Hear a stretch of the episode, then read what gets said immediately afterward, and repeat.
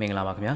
ရှမ်းမြောက်တစ်တုံညာနယ်ခွန်စစ်စင်ရင်နဲ့နှွေဦးတော်လန်ရေးတို့ရဲ့ရည်မှန်းချက်တွေတူဤသို့တော်မတူအမြင်ရတယ်မြမနှွေဦးခရိုနီကယ်ဇန်နဝါရီလ12ရက်မြင်ကွေမိုးမခအဆောင်မကိုစတင်ဖတ်ကြားပေးပါတော့မယ် ရှမ်းပြည်နယ်မြောက်ပိုင်းကလူမျိုးစုတကူမကရောရှက်နေထိုင်ကြတဲ့ဒေသတွေလူမျိုးစုတစုတဲ့စူစီးပြီးနေထိုင်ကြတဲ့ဒေသတွေတမိုင်းဆင်ဆက်မတူတဲ့လူမျိုးစုတွေအတူတကွနေထိုင်လာကြတဲ့နယ်မြေဒေသတွေဟာစစ်ပွဲတွေကျူးကျော်မှုတွေပရိသေတွေစော်ဘွားတွေနေစားပယ်စားတွေရဲ့အုပ်ချုပ်မှုအောက်မှာစိုက်ပျိုးရေးကုန်သွယ်ရေးကမ္ဘာမှာနာမည်ဆိုးနဲ့ကြော်ကြတဲ့ဘိန်းမတာအဖီတမင်ဝီရစိတ်ထုတ်လုပ်မှုတွေနဲ့ခေတ်အဆက်ဆက်ဖြတ်တန်းခဲ့ကြတဲ့နယ်မြေတွေဖြစ်ပါတယ်။နှစ်ရာနဲ့ချီကြာမြင့်ခဲ့တဲ့သမိုင်းတွေမှာအိန္ဒိချင်းတရုတ်နိုင်ငံနဲ့ကုလူဆက်ဆံမှု တရုတ်နိုင်ငံမွန်ဂိုပြည်နယ်လက်ထက်ကျူးကျော်တိုက်ခိုက်မှုတွေမှာဖြတ်တန်းခဲ့ရနယ်မြေတွေဖြစ်ခဲ့ပါတယ်။မြန်မာနိုင်ငံကိုကိုလိုနီအဖြစ်တိုက်ခိုက်သိမ်းယူခြင်းမပြုခင်တရုတ်နိုင်ငံရဲ့အနောက်တောင်ဘက်မှာပင်လယ်ထွက်ပေါက်အဖြစ်ကိုလိုနီပြုမဲ့သူတွေရဲ့မျက်စိကျမှုခံခဲ့ရတဲ့လမ်းကြောင်းပေါ်ကနယ်မြေအနေထားဖြစ်ခဲ့ပြီးဒုတိယကမ္ဘာစစ်ကြီးအတွင်းမြန်မာပြည်ကတရုတ်နိုင်ငံရဲ့အနောက်တောင်ဘက်ကနေတရုတ်ပြည်ကိုသိမ်းယူထားတဲ့ဂျပန်တွေကိုပြန်တိုက်ဖို့ချန်ကေချိတ်အစိုးရကိုကူညီပေးနေတဲ့အမေရိကန်နဲ့မဟာမိတ်တွေ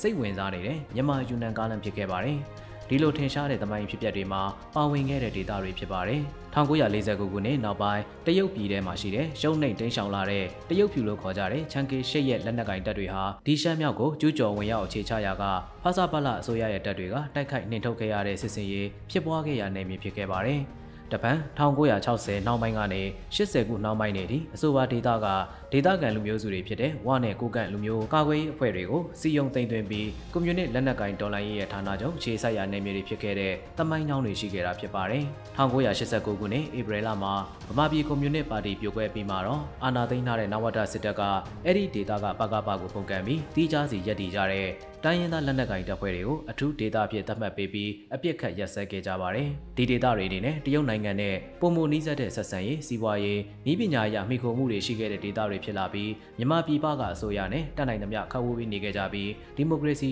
လူခွင့်ရေးလွတ်လပ်မှုတွေထက်ဒီဒေသကိုထိန်းချုပ်ထားတဲ့လက်နက်ကိုင်ဖွဲ့ခေါင်းဆောင်တွေရဲ့အတွေးမြင်မျှော်မှန်းချက်နဲ့သာစီးပွားရေးအရာဒေသဖွံ့ဖြိုးရေးဆိုတဲ့ရည်မှန်းချက်နဲ့ရှေ့ကိုချီတက်ခဲ့တာဖြစ်ပါတယ်။ ဘိန်းဆိုင်ပြိုတာမူရစေဝါထုတ်လုပ်တာလောင်ကစားဝိုင်းတွေဖွင့်လှစ်ပြီးတရုတ်နိုင်ငံထဲမှာလောက်ခွင့်မရှိတဲ့လောင်ကစားလုပ်ငန်းတွေနဲ့ဒေသဖွံ့ဖြိုးရေးဒေသကလူထုရဲ့အလုပ်အကိုင်းအခွင့်အလမ်းရရှိရေးစတာတွေကိုလှုပ်ဆောင်ခဲ့ပြီးအများဆုံးအကျိုးခံစားကြရသူတွေကတော့အာဏာကိုထိန်းချုပ်ထားတဲ့အီလစ်အထက်တန်းလွှာကသူတွေသာဖြစ်ပါတယ်။ ဒီနောက်ခံသမိုင်းကြောင်းချက်လက်တွေကကိုကန်းနဲ့ဝနယ်တို့မှာခေတ်အဆက်ဆက်ဖျက်ဆီးခဲ့ရတဲ့နောက်ခံသမိုင်းဆိုင်ရာရုပ်ပုံကားချက်တွေဖြစ်ပါတယ်။ရှမ်းမြောက်ကိုကျော်လွန်ပြီးရှမ်းပြည်နယ်တစ်ခုလုံးကြည့်ရင်တော့လူမျိုးစုပေါင်းများစွာရဲ့ဗရေတရစ်စော်ဘွားတွေအုပ်ချုပ်ခဲ့ကြတဲ့ရှမ်းကုန်းမြင့်ဒေသကိုတရုတ်ဖြူကျူးကျော်ဝင်ရောက်ချိန်ကစလို့ပြည်မကလက်နက်ကင်တပ်တွေဝင်ရောက်လာပြီးအဲဒီနောက်စစ်ဘရင်တွေဘိန်းဘရင်တွေရဲ့လက်နက်ကင်တပ်တွေရှမ်းလူမျိုးစုလွတ်မြောက်ရေးလက်နက်ကင်လှုပ်ရှားမှုတွေအမျိုးမျိုးသောရည်ရွယ်ချက်တွေနဲ့ဖွဲ့စည်းခဲ့ကြတဲ့ဒါဇင်နဲ့ချီတဲ့ပြည်သူစစ်အဖွဲ့တွေရှမ်းပြည်နယ်မှာတနက်တန်ပုံးတန်ထွက်ပြေးတိမ်ချောင်ရမှုတပ်ဖြတ်ခံရမှုတွေနဲ့ပြည့်နေတဲ့သမိုင်းတွေဖြစ်ခဲ့တာပါတရုတ်ဖြူကျူးကျော်မှုမတိုင်ခင်ကာလဟာပရိသေအုပ်ချုပ်မှုအောက်မှာ